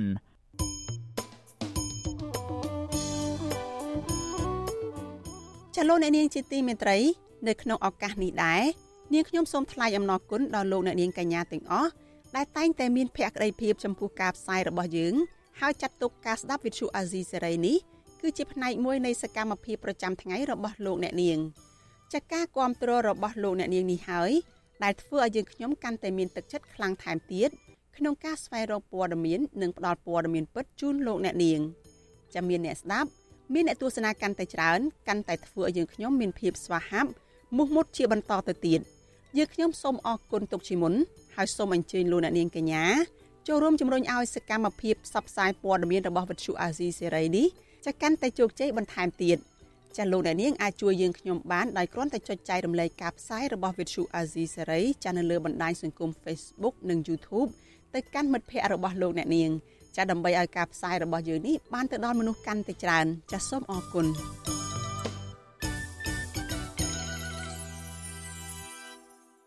លោកអ្នកនាងកញ្ញាជាទីមេត្រីលោកអ្នកកំពុងតែតាមដានការផ្សាយរបស់វិទ្យុអាស៊ីសេរីចាប់ផ្សាយចេញពីរដ្ឋធានី Washington សហរដ្ឋអាមេរិកព័ត៌មានពីខេត្តកោះកុងឯណោះឲ្យដឹងថាប្រជាពលរដ្ឋមានចំនួនដីធ្លីប្រមាណជាង400នាក់មកពីសហគមន៍ចំនួន3នៅក្នុងខេត្តកោះកុងកាលពីថ្ងៃប្រហ័សម្សិលមិញនេះបានប្រមូលផ្ដុំគ្នាដាក់ញត្តិស្នើសុំអាជ្ញាធរស្រុកបទុមសាគរដោះស្រាយបញ្ហាដីធ្លីរបស់ពួកគាត់ជាមួយនឹងក្រុមហ៊ុនអង្គញាលីយ៉ុងផាត់ សង្គមស៊ីវិលថារដ្ឋាភិបាលត្រូវធានានូវសិទ្ធិរស់រានរបស់ពលរដ្ឋស្របតាមរដ្ឋធម្មនុញ្ញនិងមានឆន្ទៈដោះស្រាយបញ្ហាដីធ្លីជូនប្រជាពលរដ្ឋដើម្បីកាត់បន្ថយភាពក្រីក្រ ចាលោកជាតិចំណានរាយការណ៍ព័ត៌មាននេះប្រជាពលរដ្ឋមានចំនួនដីធ្លីក្នុងសហគមន៍ចំនួន3គឺសហគមន៍843សហគមន៍129និងសហគមន៍ពលានយន្តហោះស្ថិតក្នុងខេត្តកោះកុងបានប្រមូលផ្ដុំគ្នាតវ៉ានឹងដាក់ញត្តិជូនអាជ្ញាធរស្រុកបទុមសាគរ ដើម្បីសុំពន្លឿនការដោះស្រាយបញ្ហាវិវាទដីធ្លីដ៏រ៉ាំរ៉ៃរបស់ប្រជាពលរដ្ឋតាំងពីឆ្នាំ2006ដែលមានផ្ទៃដីសរុបជាង4000ហិកតាដែលបានបាត់បង់ទៅនិងយកមកវិញជាង1700ហិកតាជាមួយនឹងក្រុមហ៊ុនកោះកុង Sugar Plantation តំណាងសហគមន៍អ្នកស្រីជក់ស្រីនៅប្រាប់វិសុអេស៊ីសរ៉ៃនៅថ្ងៃទី29ខែកញ្ញាថាប្រជាពលរដ្ឋមានចំនួនដីធ្លីតាំងពីឆ្នាំ2006មកដោយក្រុមហ៊ុនធ្វើការឈូសឆាយលើដីពលរដ្ឋប្រើប្រាស់អាស្រ័យផលប៉ុន្តែអាជ្ញាធរ មិនដែលមានដំណោះស្រាយដល់ពលរដ្ឋនិងផ្ដល់ប្រាក់សំណងនោះឡើយលោកស្រីបន្តថាពលរដ្ឋប្រមូលផ្ដុំគ្នាជាថ្មីដើម្បីដាក់ញត្តិឲ្យអាជ្ញាធរស្រុកពន្យាការដោះស្រាយបញ្ហាដីធ្លីដ៏រ៉ាំរ៉ៃនេះ។ចាបងលទ្ធផលថ្ងៃហ្នឹងគឺអត់មានលទ្ធផលអីទេដោយសារខាងគណៈអភិបាលស្រុកដែលគាត់បានឡើងកាន់តំណែងថ្មីហ្នឹងគាត់បដិសេធអត់ទទួលញត្តិរបស់សហគមន៍ហើយនឹងស្លាប់បាត់ព័ត៌មានទេ ហើយក៏គាត់បានមានប្រសាសន៍ថាគាត់អត់ទទួលគាត់បដិសេធជាដាច់ខាតអញ្ចឹងលេខអសរក៏គាត់អត់មានហើយនឹងវាយត្រាជួលក៏គាត់អត់មានដែរអញ្ចឹងគាត់មានប្រសាសន៍ថាបើខាងខេត្តតំណតំណងមកគាត់គាត់នឹងចាំទទួល24ម៉ោងសម្រាប់ស្លាប់បាត់ព័ត៌មានហើយនឹងញត្តិរបស់ប្រជាពលរដ្ឋវិសុអាស៊ីសេរីមិនអាចតាក់ទងអភិបាលខេត្តកោះកុងអ្នកស្រីមួយធនាភូថងនិងអភិបាលស្រុកបតុមសាគរលោកក្រូចបរិយសីហា ដើម្បីសុំការអធិប្បាយជុំវិញរឿងនេះបានទេដោយទូរស័ព្ទចូលតែគ្មានអ្នកទទួលជុំវិញរឿងនេះអ្នកសម្របសម្រួលផ្នែកសិទ្ធិមនុស្សនៃសមាគមអាត់ហុកប្រចាំខេត្តកោះកុងលោកថោងច័ន្ទរាសង្កេតឃើញថាអាជ្ញាធរថ្នាក់ខេត្តនិងថ្នាក់ជាតិហាក់គ្មានឆន្ទៈក្នុងការដោះស្រាយទើបអូសបន្លាយដល់ពេលបច្ចុប្បន្នលោកបន្តថាពលរដ្ឋភៀសច្រើនគ្មានដីធ្លីផ្ទាល់ខ្លួនដោយពលរដ្ឋមួយចំនួនជួដីគេរស់នៅនឹងចាំចំការឲ្យគេក្រោយពីដីមានចំនួនមិនទាន់ដោះស្រាយលោកថោងច័ន្ទរា ព្រួយបារម្ភពីពលរដ្ឋដែលគ្មានដីស្រែធ្វើចំការកុមារមិនបានទៅរៀនសូត្រដោយសារតែការចល័តរបស់ឪពុកម្ដាយហើយគ្រួសារកើតថ្មីច្រើនដែលកាន់តែបង្កើនភាពក្រីក្រក្នុងតំបន់និងប្រឈមពលរដ្ឋចំណាក់ស្រុកមួយចំនួន។ សំខាន់ទៅលើឆន្ទៈរបស់អាជ្ញាធរហើយនៅរាជរដ្ឋាភិបាលទេបើសិនជាគាត់មានឆន្ទៈដោះស្រាយពិតប្រាកដហ្នឹងយើងបង្កើតគណៈកម្មការសម្រាប់ដោះស្រាយរឿងហ្នឹងចុះសិក្សាវាយតម្លៃទៅតាមគ្រួសារមួយមួយនឹងយើងស្រង់តិន្នន័យអ្នកកាន់កាប់ពីមុនដែលដីសម្បទានទៅឲ្យក្រុមហ៊ុនហ្នឹងឲ្យវាជាក់លាក់ទៅខ្ញុំថាអាចដោះស្រាយបញ្ហាហ្នឹងបានប៉ុន្តែការដោះស្រាយកន្លងមកដូចថាវាផ្សារសើមិនជីជម្រៅឲ្យការប្រមូលយកព័ត៌មានពីប្រជាពលរដ្ឋគឺតាមរយៈអាជ្ញាធរអីចឹងដូចមិនបានជួបពិភាក្សាដោះស្រាយជាលក្ខណៈដាច់ដោយឡែកជាមួយជាបរដ្ឋនៅគ្រួសារនីមួយៗនឹងឲ្យបានច្បាស់លាស់នឹងបានកន្លងមកអ្នកតំណាងឲ្យពលរដ្ឋ843គ្រួសារធ្លាប់ដាក់ញត្តិទៅរដ្ឋបាលស្រុកបទុមសាគរដើម្បីជំរុញទៅអាជ្ញាធរស្រុកនេះឲ្យពន្លឿនការដោះស្រាយបញ្ចប់វិវាទដីធ្លីរបស់ពួកគាត់ប៉ុន្តែគ្មានដំណោះស្រាយកាលពីថ្ងៃទី11ខែតុលាឆ្នាំ2021ប្រជាពលរដ្ឋកាន់កាប់នឹងចូលអាស្រ័យផលតាំងពីឆ្នាំ1979ហើយអ្នកខ្លះទៀត បានកាន់កាប់នៅឆ្នាំ2000ដោយអ្នកខ្លះធ្វើស្រែចម្ការអ្នកខ្លះធ្វើស្រែនិងដាំដំណាំហូបផ្លែផ្សេងទៀតដែលពុំមានអាជ្ញាធរហាមឃាត់ឬរារាំងនោះឡើយនៅឆ្នាំ2006ក្រុមហ៊ុនរបស់លោកលីយ៉ុងផាត់បានចូលទៅឈូសឆាយផលដំណាំរបស់ពួកគេដើម្បីយកដីដាំអំពៅហើយបង្ខំឲ្យពលរដ្ឋយកសំណងបន្តិចបន្តួចក្រសួងរៀបចំដែនដីនគររូបនីយកម្មនិងសំណង់បានចេញសេចក្តីប្រកាសព័ត៌មានមួយដោយបដិសេធមិនដោះស្រាយជូនក្រុមពលរដ្ឋ843គ្រួសារនេះទេ ក្រុមហេតុផលថាក្រសួងបានដោះស្រាយជូនពួកគាត់រួចរាល់ហើយកាលពីថ្ងៃទី21ខែកញ្ញាឆ្នាំ2020តំណាងពលរដ្ឋនិងសង្គមស៊ីវិលអំពាវនាវដល់រដ្ឋាភិបាលនិងស្ថាប័នពាក់ព័ន្ធដោះស្រាយបញ្ហាដីធ្លីជូនពលរដ្ឋឲ្យបានឆាប់រហ័សដើម្បីលើកកម្ពស់ជីវភាពរស់នៅឲ្យសមរម្យនិងមានទីជម្រកច្បាស់លាស់ដើម្បីបង្កបង្កើនផលខ្ញុំបាទជាចំណាន Visual Assisray ពីរដ្ឋធានី Washington ចលនានាងកញ្ញាជាទីមេត្រី កិច្ចព្រមព្រៀងពាណិជ្ជកម្មសេរីទ្វេភាគីរវាងកម្ពុជានិងកូរ៉េខាងត្បូងអាចនឹងចូលជាធរមាននៅចុងឆ្នាំនេះក្រោយពីរដ្ឋសភាកូរ៉េបានផ្ដល់សច្ចាប័នលើកិច្ចព្រមព្រៀងនេះរួចរាល់កាលពីថ្ងៃទី27ខែកញ្ញាកិច្ចព្រមព្រៀងនេះនឹងចូលជាធរមាននៅក្នុងរយៈពេល60ថ្ងៃក្រោយរដ្ឋាភិបាលកូរ៉េជូនដំណឹងជាផ្លូវការមកភៀកគីកម្ពុជាកិច្ចព្រមព្រៀងពាណិជ្ជកម្មសេរីកម្ពុជាកូរ៉េនេះនឹងបើកលទ្ធភាព ឲ្យទំនិញកម្ពុជាជាច្រើនមុខអាចនាំចេញទៅប្រទេសកូរ៉េខាងត្បូងក្រោមលក្ខខណ្ឌពិសេសហើយអ្នកវិនិយោគកូរ៉េក៏អាចចូលមកបណ្ដាក់ទុននៅកម្ពុជាបានកាន់តែច្រើន ជាពិសេសទំនិញកម្ពុជាជាង10000មុខទៅកាន់ប្រទេសកូរ៉េខាងត្បូងរួចកាតព្វកិច្ចពន្ធរយៈពេល8ខែនៃឆ្នាំ2022នេះពាណិជ្ជកម្មទ្វេភាគីរវាងប្រទេសទាំងពីរគិតជាទឹកប្រាក់ជាង500លានដុល្លារអាមេរិក មកដល់ពេលនេះកម្ពុជាមានកិច្ចព្រមព្រៀងពាណិជ្ជកម្មទ្វេភាគីជាមួយប្រទេសពីរហើយគឺកូរ៉េខាងត្បូងនិងប្រទេសចិនកិច្ចព្រមព្រៀងជាមួយប្រទេសចិនបានចូលទៅធរមានកាលពីខែមករាកន្លងទៅដំណើរគ្នានឹងកិច្ចព្រមព្រៀងភាពជាដៃគូសេដ្ឋកិច្ចគ្រប់ជ្រុងជ្រោយតំបន់ឬហៅកាត់ថាអាស៊ឹបដែលមានប្រទេសចំនួន15ចូលរួមរួមទាំងកម្ពុជាផង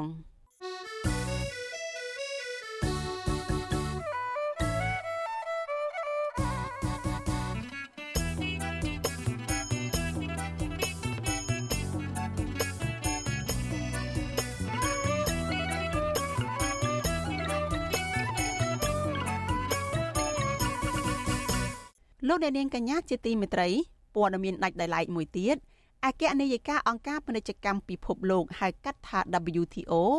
អ្នកស្រី Gozi Okonjo Iweala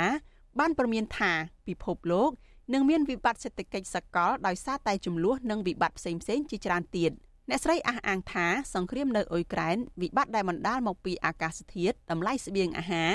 និងវិបត្តិធម្មពលនិងផលប៉ះពាល់ពីជំងឺរាតត្បាត COVID-19 កំពុងតែធ្វើឲ្យពិភពលោកធ្លាក់ទៅក្នុងវិបត្តិសេដ្ឋកិច្ច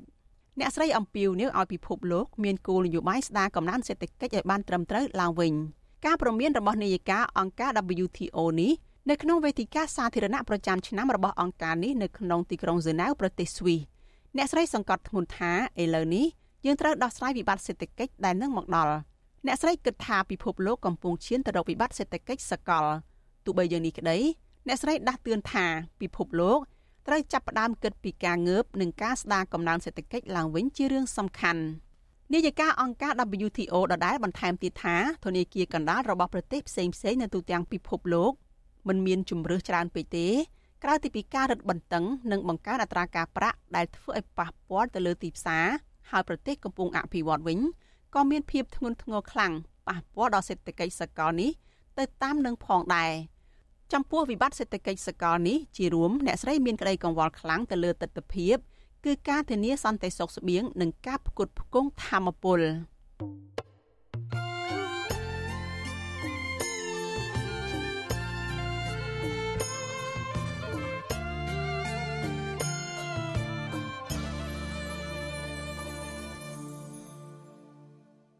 លោកអ្នកនាងកញ្ញាជាទីមេត្រីរយៈពេលប្រមាណឆ្នាំចុងក្រោយនេះ រដ្ឋាភិបាលលោកហ៊ុនសែនហាក់លែងញញើតក្នុងការប្រើប្រាស់ប្រព័ន្ធតុលាការដើម្បីបង្ក្រាបសម្លេងឯករាជ្យនិងសម្លេងប្រឆាំងជាមួយគ្នានេះច្បាប់មួយចំនួនត្រូវបានបង្កើតឡើងឬក៏កែប្រែទៅតាមអំពើចិត្តរបស់មេដឹកនាំបកកាន់អំណាចដើម្បីជាប្រយោជន៍ផ្ទាល់ខ្លួនជាជាងផលប្រយោជន៍ជាតិមនុស្សគន្លឹះដែលនៅពីក្រោយរឿងនេះគឺរដ្ឋមន្ត្រីក្រសួងយុតិធធលោកកើតរិទ្ធតើលោកកើតរិទ្ធមានប្រវត្តិយ៉ាងណាហើយលោកបានធ្វើអ្វីខ្លះចំពោះប្រព័ន្ធច្បាប់ និងលទ្ធិប្រជាធិបតេយ្យនៅកម្ពុជាចាលោកយ៉ងច័ន្ទដារារាយការណ៍អំពីរឿងនេះរដ្ឋមន្ត្រីក្រសួងយុតិធធម៌លោកកើតរិទ្ធបានឡើងកាន់តំណែងអស់រយៈពេលជាង2ឆ្នាំមកហើយនៅពេលចូលកាន់តំណែងដំបូងលោកបានសន្យាជាអោឡារិទ្ធថាលោកនឹងប្រឹងប្រែងលើកកម្ពស់គុណភាពយុតិធធម៌នៅកម្ពុជា និងស្មោះត្រង់ចំពោះជាតិ ខ្ញុំសូមធ្វើការបដិញ្ញាចិត្តពង្រឹងប្រព័ន្ធអភិបាលកិច្ចល្អដើម្បីធ្វើជាស្នូលក្នុងការដឹកនាំវិស័យយុតិធធក៏ដូចជាធានាសាមគ្គីភាពផ្ទៃក្នុងក្នុងជួរថ្នាក់ដឹកនាំនៃវិស័យនេះដើម្បីឲ្យមានការចូលរួមអនុវត្តប្រកបដោយការទទួលខុសត្រូវខ្ពស់ក្នុងបុព្វហេតុនៃការងារកំណែតម្រង់ពង្រឹងសុចរិតភាពនិងភាពត្រឹមត្រូវនៃការអនុវត្តការងាររបស់មន្ត្រីតុលាការតាមរយៈការពង្រឹងវិន័យនិងសិលធម៌វិជ្ជាជីវៈក្នុងវិស័យនេះសម្ដៅលើកកម្ពស់កិត្តិយសនិងសេចក្តីថ្លៃថ្នូរនៃអង្គតុលាការបន្ថែមទៀត។ មជ្ឈដ្ឋានមួយចំនួនរំពឹងទុកថារដ្ឋមន្ត្រីថ្មីរូបនេះអាចនឹងជួយស្រោចស្រង់ប្រព័ន្ធយុតិធធដែលកំពុងតែចុះទុនខ្សោយនោះឲ្យមករឹងមាំវិញតាមរយៈការរៀនសូត្រផ្នែកច្បាប់បានជ្រៅជ្រះរបស់លោកក៏ប៉ុន្តែលទ្ធផលហាក់ផ្ទុយពីនេះលោកកើតរិទ្ធបានប្រែក្លាយប្រព័ន្ធយុតិធធ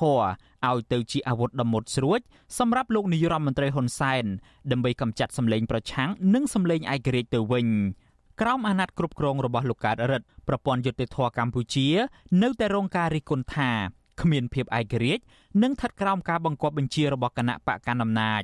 តុលាការបានដំណើរការរឿងក្តីជាច្រើន ដែលមានចរិតនយោបាយប្រឆាំងនឹងសកម្មជននយោបាយសមាជិកសង្គមស៊ីវិលយុវជន និងអ្នកបញ្ចេញមតិរិះគន់រដ្ឋាភិបាល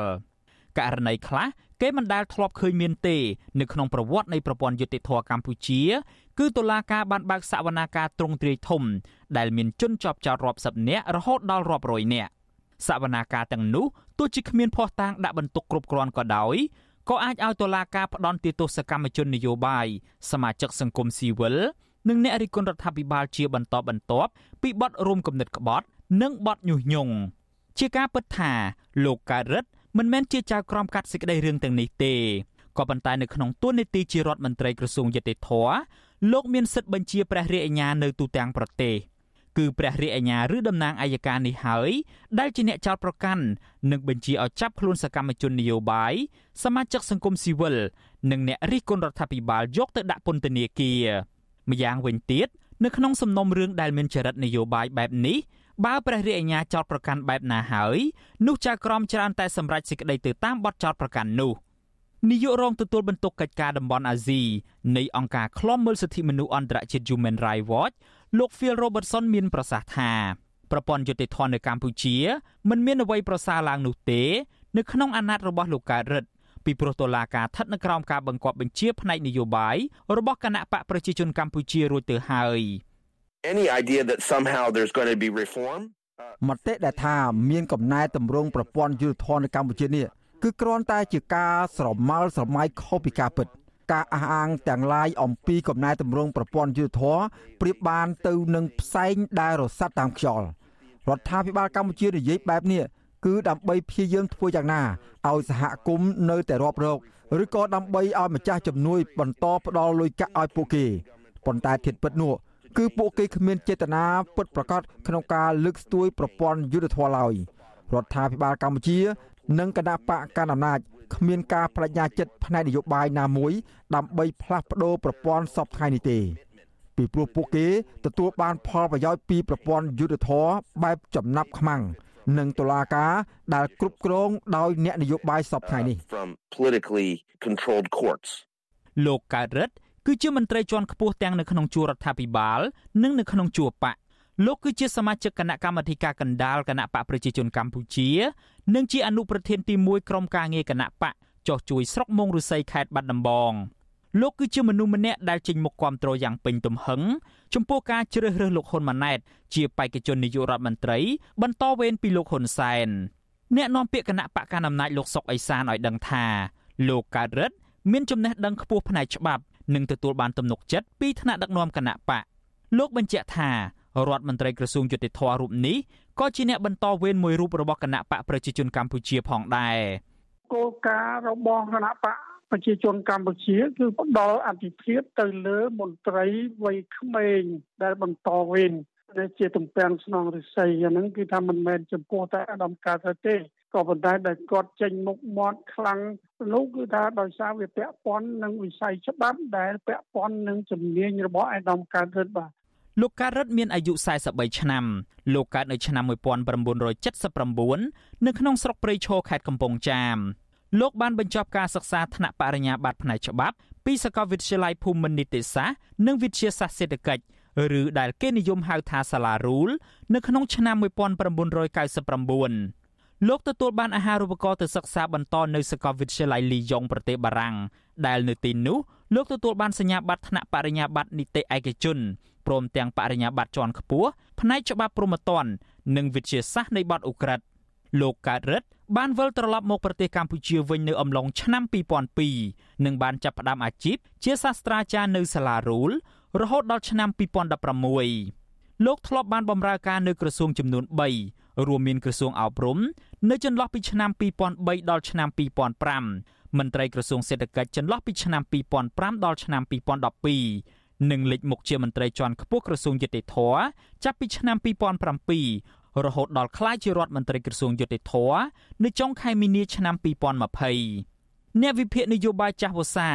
និងជាអ្នកជំនាញផ្នែកច្បាប់បណ្ឌិតឡាវម៉ុងហៃក៏សម្គាល់ថា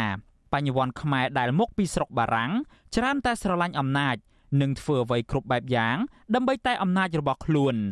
គឺយើងនឹងច្រើនតែទៅយកអ្វីដែលអាក្រក់ពីដែលដើម្បីអីដើម្បីអំណាចបាទរបស់ខ្លួនហ្នឹងបាទហើយអ្នកទៅរៀនសុខបារាំងនេះគឺចូលចិត្តណារឿងអំណាចហ្នឹងបាទមិនសូវចូលចិត្តធ្វើការនៅក្នុងផ្នែកសង្គមស៊ីវិលទេចាំថាមើលទៅគេច្រើនចូលចិត្តរឿងអំណាចហ្នឹងដូច្នេះអ្វីដែលអាចជួយឲ្យគេមានអំណាច និងទ្រទ្រង់អំណាចបង្កើនអំណាចមកគេនេះគេអនុវត្តទៅការលើកឡើងរបស់បណ្ឌិតឡាវម៉ុងហៃនេះហាក់ឆ្លុះបញ្ចាំងការពិតចំពោះករណីលោកកើតរិទ្ធលោកកើតរិទ្ធបានក្លាយជារដ្ឋមន្ត្រីយុតិធធនៅពាក់កណ្ដាលអាណត្តិដ៏គួរឲ្យភ្ញាក់ផ្អើលនៅក្នុងឆ្នាំ2020ក្រោយពេលលោកហ៊ុនសែនបានក្រសោបយកអំណាចរដ្ឋទាំងអស់មកក្តោបក្តាប់តែម្នាក់ឯងជោគជ័យរបស់លោកហ៊ុនសែននេះមួយចំណែកធំគឺជាស្នាដៃរបស់លោកកើតរិទ្ធនេះឯងលោកកើតរិទ្ធ គឺជាមនុស្សគន្លឹះនៅក្នុងការរៀបចំ និងកែប្រែច្បាប់ជាច្រើន ដែលមានចរិតគៀបសង្កត់សិទ្ធិសេរីភាព និងប្រឆាចរដ្ឋធម្មនុញ្ញច្បាប់សំខាន់សំខាន់ដែលលោកកើតរិទ្ធបានចូលរួមតាក់តែងនិងកែប្រែនោះ រួមមាន ក្រមព្រហ្មទណ្ឌក្រមនីតិវិធីព្រហ្មទណ្ឌច្បាប់3តាក់ទងទៅនឹងការគ្រប់គ្រងតុលាការច្បាប់បោះឆ្នោតច្បាប់អង្គការសមាគមច្បាប់សហជីពច្បាប់គ្រប់គ្រងប្រទេសនៅក្នុងភាពអាសន្ននិងវិសោធនកម្មច្បាប់គណៈបកនយោបាយជាដើម ច្បាប់ស្តីពីវិសោធនកម្មច្បាប់គណៈបកនយោបាយនេះត្រូវបានក្រុមអ្នកច្បាប់វាយតម្លៃថា គឺជាច្បាប់ដ៏អាក្រក់ដែលបំពានរដ្ឋធម្មនុញ្ញនិងផ្ទុយពីច្បាប់សិទ្ធិមនុស្សអន្តរជាតិពីព្រោះច្បាប់នេះធ្វើឡើងតម្រូវតាមចិត្តមេបកកណ្ដាលអំណាចលោកហ៊ុនសែនដើម្បីរំលាយគណៈបកសង្គ្រោះជាតិនិងបំបិទសិទ្ធិនយោបាយរបស់ក្រុមមេដឹកនាំបកប្រឆាំងមានរឿងមួយដែលប្រហែលជាគ្មានអ្នកច្បាប់ណាម្នាក់ហ៊ានធ្វើដោយលោកកើតរិទ្ធនោះទេ នោះគឺជាការរៀបចំកែប្រែរដ្ឋធម្មនុញ្ញជាច្រើនលើកច្រើនសារឲ្យលោកហ៊ុនសែនដែលជាការធ្វើឲ្យច្បាប់កម្ពុជាមួយនេះបាត់បង់អនុភាពរបស់ខ្លួន ជាពិសេសវិសោធនកម្មលើកទី10ដែលលោកកើតរិទ្ធបានធ្វើជាកាដូឲ្យលោកហ៊ុនសែននៅមុនការបោះឆ្នោតតំណាងរាស្ត្រនៅឆ្នាំក្រោយនេះអ្នកច្បាប់បានពន្យល់ថាវិសោធនកម្មរដ្ឋធម្មនុញ្ញលើកទី10នេះគឺជាការច្បាមយកអំណាចពីរដ្ឋសភាដោយស្រស់ស្រស់ ពីព្រោះគណៈបកឈ្នះឆ្នោតអាចបញ្ជូនឈ្មោះបេក្ខជននាយករដ្ឋមន្ត្រីទៅព្រះមហាក្សត្រដោយផ្ទាល់ដោយមិនចាំបាច់ឆ្លងរដ្ឋសភានោះឡើយការកែរដ្ឋធម្មនុញ្ញលើកទី10នេះគឺជាការធ្វើតម្រូវចិត្តលោកហ៊ុនសែនដែលកំពុងតែត្រួសត្រាយផ្លូវឲ្យកូនប្រុសច្បងរបស់លោកគឺលោកហ៊ុនម៉ាណែតអាចក្លាយជានាយករដ្ឋមន្ត្រីបន្តត្រកូលពីលោកដោយមិនចាំបាច់ការផ្ដាល់ទំនុកចិត្តពីតំណាងរាស្ត្រវិទ្យុអាស៊ីសេរីបានព្យាយាមតាក់ទងលោកកើតរិទ្ធជាច្រើនដងដើម្បីឆ្លើយតបទៅនឹងរឿងនេះ ក៏ប៉ុន្តែទូរស័ព្ទចូលពុំមានអ្នកទទួលខណៈអ្នកនាំពាក្យក្រសួងយុតិធធលោកចិនម៉ាលីនបានបដិសេធមិនផ្ដល់បទសម្ភាសរឿងនេះទេទោះជាយ៉ាងណាលោកកើតរិទ្ធបានថ្លែងនៅក្នុងសន្និសីទសារព័ត៌មានតាក់ទងទៅនឹងការកែរដ្ឋធម្មនុញ្ញលើកទី10កាលពីខែកក្កដាថាលោកមានមោទនភាពដែលបានចូលរួមចំណែកកែប្រែច្បាប់កម្ពុជាមួយនេះសូម្បីតែអ្នកចូលរួមក្នុងការកែអញ្ចឹងវាក៏ជាផ្នែកមួយនៃពាក្យដែលថាឧត្តមកតិជាតិ ធ្វើឲ្យខ្មែរយើងមោទនភាពមានអីខុសជាតិខ្មែរយើងឥឡូវយើងទាំងអស់គ្នាគ្រប់គ្រងជាតិខ្មែរយើងមានមោទនភាពអត់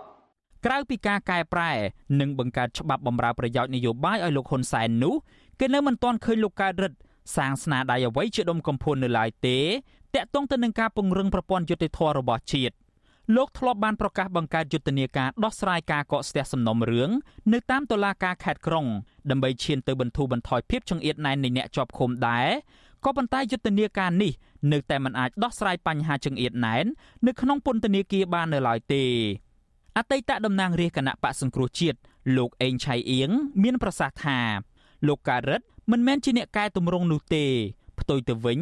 រដ្ឋមន្ត្រីក្រសួងយុតិធធរូបនេះគឺគ្រាន់តែជាបុគ្គលម្នាក់ដែលលោកហ៊ុនសែនយកមកប្រើ ដើម្បីឲ្យកែប្រែ ឬក៏បង្កើតច្បាប់ណា ដើម្បីបម្រើផលប្រយោជន៍នយោបាយឲ្យលោកតែប៉ុណ្ណោះ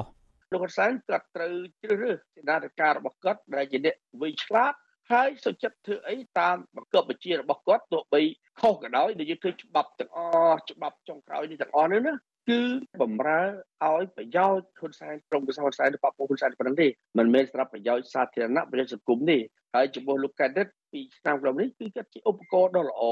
ដ៏មុតស្រួចសម្រាប់ការពារតកូលហ៊ុន លោកកើតរិទ្ធមានឈ្មោះនៅក្នុងបញ្ជីនៃជនដែលត្រូវដាក់ទណ្ឌកម្មនៅក្នុងច្បាប់ប្រជាធិបតេយ្យកម្ពុជាឆ្នាំ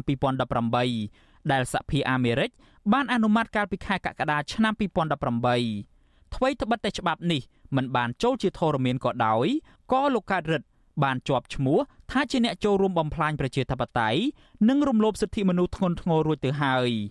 ហេតុដូចនេះក្តីរំពឹងទុកថាលោកកើតរិទ្ធ នឹងជួយពង្រឹងប្រព័ន្ធយុតិធធឲ្យរឹងមាំវិញនោះគឺហាក់ដូចជាការរងចាំឲ្យសេះដោះស្នែងយ៉ាងដូចនេះដែរខ្ញុំយ៉ងច័ន្ទដារាវិទ្យុអាស៊ីសេរីរាយការណ៍ពីរដ្ឋធានី Washington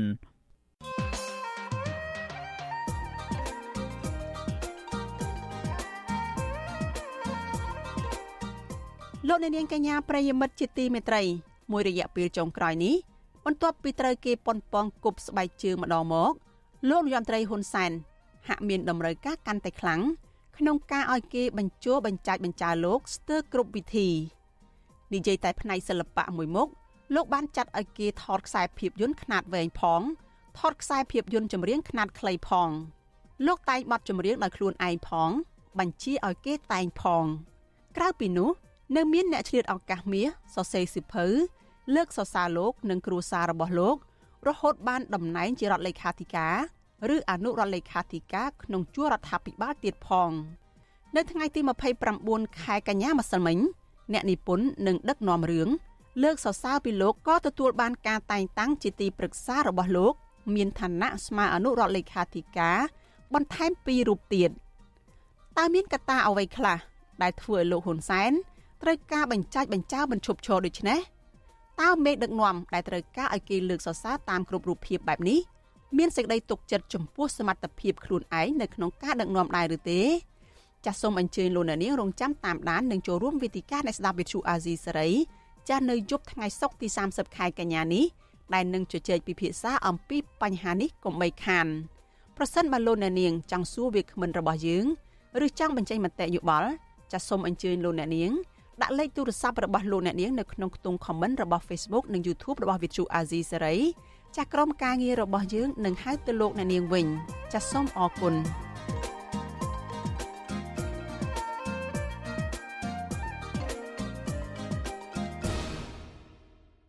លោកអ្នកនាងកញ្ញាប្រិយមិត្តជាទីមេត្រីការផ្សាយរយៈពេល1ម៉ោងរបស់ Vithu Azizi Serai ជាភាសាខ្មែរនៅព្រឹកនេះចាប់ត្រឹមតែប៉ុណ្ណេះនាងខ្ញុំសុជីវី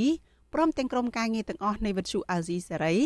សូមជូនពរដល់លោកអ្នកនាងកញ្ញានិងក្រុមគ្រួសារទាំងអស់ ចាសសូមប្រកបតែនឹងសេចក្តីសុខចម្រើនរុងរឿងកុំបីឃ្លៀងឃ្លាតឡើយចាសនាងខ្ញុំសូមអរគុណនិងសូមជម្រាបលា